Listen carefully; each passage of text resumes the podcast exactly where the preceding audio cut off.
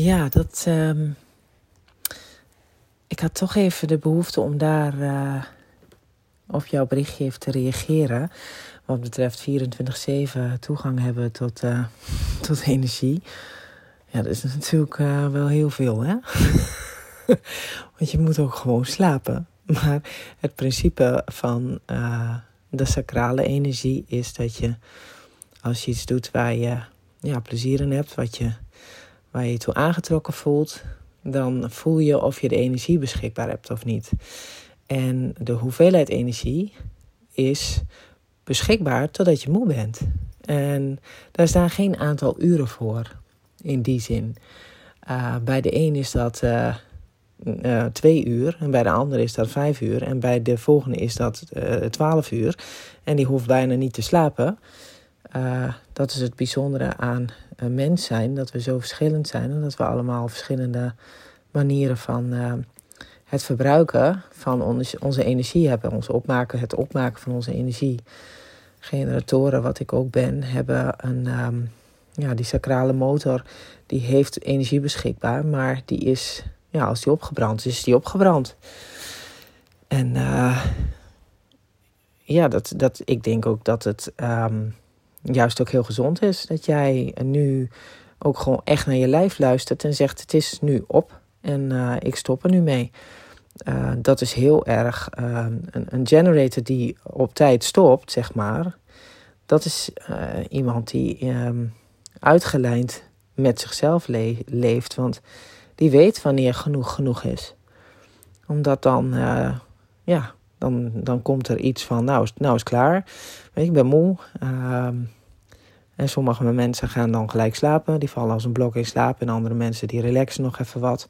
Weet je, dat is ook gewoon heel verschillend in hoe je als mens in elkaar steekt. Uh, daar is ook helemaal geen generalistisch beeld over te vertellen.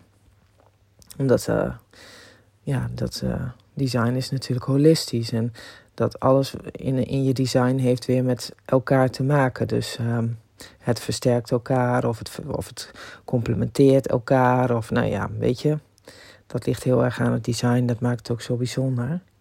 Maar het feit dat jij uh, nu juist niet meer doorgaat. En maar gewoon doorgaat, doorgaat, doorgaat.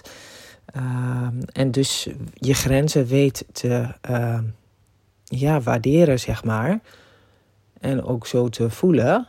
Ja, dan denk ik dat dat heel veel zelfliefde is. En dat je daar eigenlijk heel erg trots op mag zijn. Want er zijn niet zoveel mensen die dat echt kunnen. Dus uh, ik ben toch altijd weer geneigd om het, het glas half vol uh, te zien. en uh, dus toen je dat aan het vertellen was, dacht ik, nou, dat vind ik wel tof. dat je er zo naar luistert. En dat je het, um, dat je het zo ziet.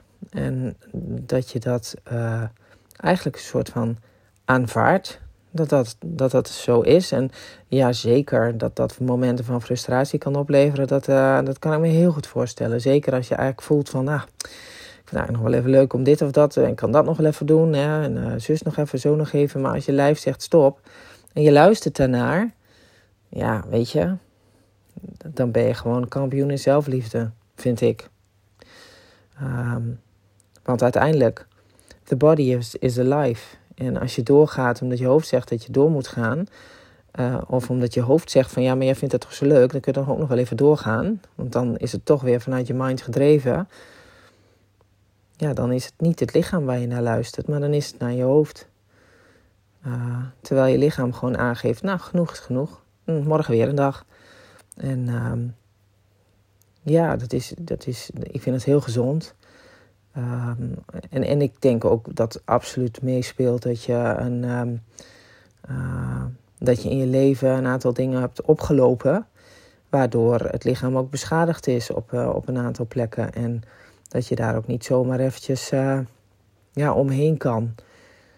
Um, dus, dus wat dat betreft er zitten een aantal factoren die gewoon heel erg kloppend zijn. En ook kijken naar ja, weet je, daar waar je een, een open wilskracht, een compleet open wilskracht uh, uh, hebt. En dus, dus ja, daarin ook heel vaak um, toch misschien wel je het gevoel hebt, hebt gehad dat je jezelf ergens op moest bewijzen. Um, precies wat je zegt van het gesprek wat je dan, uh, wat je, waar je dan zat. Van, oh jeetje, Mina, dus dat, vind ik, dat kan ik eigenlijk helemaal niet, weet je wel, zo. En dat je dan helemaal opgelucht bent, dat je het dan niet geworden bent. Dat, dat begrijp ik echt heel goed. En um, want dat is wel inderdaad iets wat mind gedreven is. Dan krijg je dit soort dingen. Dat je denkt, oh my god. En stel je voor dat je het wel geworden was. Nou, dan had je helemaal een probleem gehad. Ja, nou ja, zo groot is dat probleem dan niet. Want dan, dan stop je er mee. Maar dat is vaak dan nog niet zo heel erg gemakkelijk ook. En dan loop je weer een beschadiging op, zeg maar. Dus um, ja, ik, ik, ik denk dat we gewoon in ons leven heel vaak um, in ons niet zelf uh, bepaalde door onze mind gestuurde dingen hebben gedaan, waardoor ons lichaam over uh, getriggerd is en overgevoelig is uh, op, op een heleboel vlakken. Want als je continu eigenlijk alleen maar vanuit je hoofd leeft en niet het geluid van je lichaam volgt, dan, dan, dan heeft dat gevolgen ergens. En uh, ja, het, het aantal jaren conditionering wat je ontvangen hebt, ja, dat, dat, dat, dat, um, dat speelt natuurlijk gewoon hartstikke mee. Als je jong begint met deconditioneren, dan heb je zeven jaar nodig om al je cellen uh, te deconditioneren. En dan heb je je eerste cyclus gehad. Maar ja, goed, dat wil niet zeggen dat het dan stopt, want dan begint gewoon de volgende cyclus. dus het is niet uh, dan klaar. Maar het is wel zo dat je dan minder in jaren ehm, minder um, um, geconditioneerd hebt geleefd. Um, dus ik, denk zeker dat het, dat het effect heeft op hoe oud je bent, uh, hoeveel je hebt meegemaakt, uh, hoe je het leven hebt uh, geleid. Dat zijn allemaal dingen die, die absoluut meespelen. En nou ja, weet je, ik noem het altijd, het gaat niet over rozen, maar het, ook niet, weet je, het is niet allemaal fluffy bunny, uh, unicorn, uh, holladier. Dat is gewoon het leven ook gewoon niet.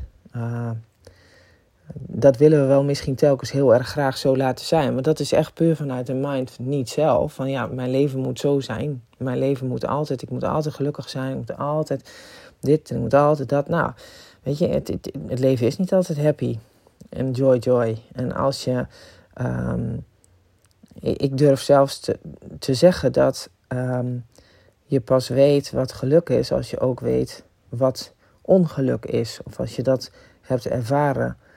Ja, omdat je daarin ook wel, want dat is iets wat de mind wel heel goed kan, en kan meten ten opzichte van, oh, zo voelt het als ik ongelukkig ben en zo voelt het als ik gelukkig ben. En um, of uh, ja, goed, het zijn even twee begrippen, maar het kan ook gaan om zo voelt het als ik uh, enthousiast ben en zo voelt, het, uh, zo voelt het als ik echt totaal geen fuck zin ergens in heb of zo. Weet je, noem maar even wat. En ehm, dus ja, dat vind, ik, dat vind ik juist zo bijzonder aan, aan door, door het leven gewoon te kunnen observeren zonder dat je er heel verschrikkelijk veel van verwacht. Als je er heel veel van verwacht, dan kan het eigenlijk alleen maar tegenvallen. En ehm, terwijl als je gewoon observeert wat er gebeurt, dan is het een heel erg uh, entertaining uh, iets, dat leven.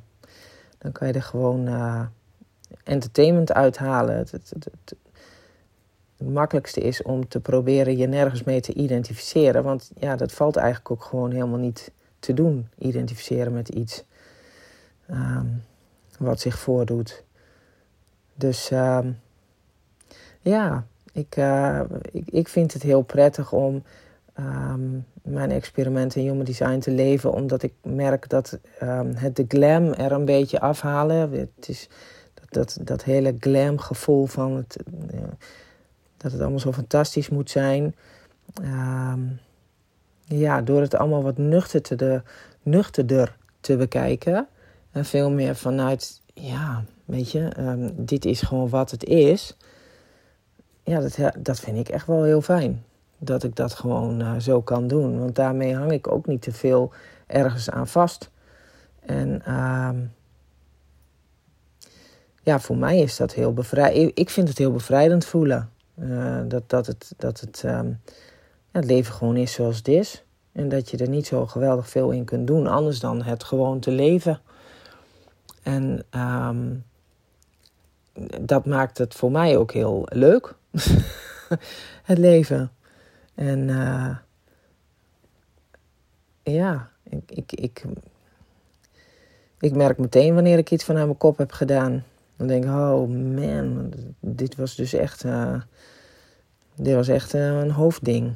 En daar voel ik nu de frustratie ook wel van.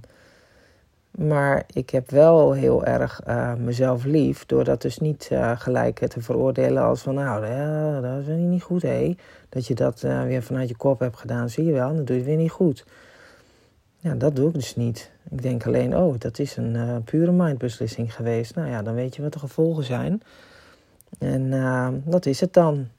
Dat heb je dan geleerd. En ja, daar wordt het allemaal een beetje wat, wat platter van misschien. Maar ik, ik hou wel van die, van die platheid dan. Um, omdat in die platheid er dus ook gewoon hele grote pieken kunnen zijn en ook hele grote dalen, maar zonder, zonder dat het dan uh, gelijk dramatisch voelt. Um, als ik dat een beetje dat hele low gevoel heb, dat, dat gevoel van, oh, nou ja, weet je, het is vandaag zo'n dag. Ja, dan weet ik nu gewoon hoe ik daarmee om moet gaan. In de zin van dat ik er heel verrekt te weinig in doe. Anders dan dat ik probeer zo min mogelijk mensen om mij heen te hebben die ik kan beïnvloeden met dat nare gevoel. Wat voor hen dan nog nader kan voelen. Ehm, dus het is ook een stukje uh, me bewust zijn van uh, waar ik dan in zit qua gevoel. Omdat je, ja, weet je, je kan daar andere mensen zo mee beïnvloeden uh, op een manier die gewoon niet prettig is. Want zij, iemand die niet emotioneel is, die versterkt dan mijn low. En die, daarvoor is het nog erger dan dat het voor mij is, zeg maar. als je hiermee identificeert. En heel veel mensen uh, zijn niet zelf. Dus die doen dat. En die hebben geen idee dat dat daar vandaan komt. Maar die gaan dan allerlei redenen zitten verzinnen waarom ze dan zo vreselijke klote bui hebben. Of een klote gevoel. En dan zit ik daar gewoon naast met mijn low, weet je wel. Een beetje te lowen. Dan denk ik, ja, misschien moet je daar ook gewoon eventjes dan uh, jezelf wat minder in een omgeving bewegen.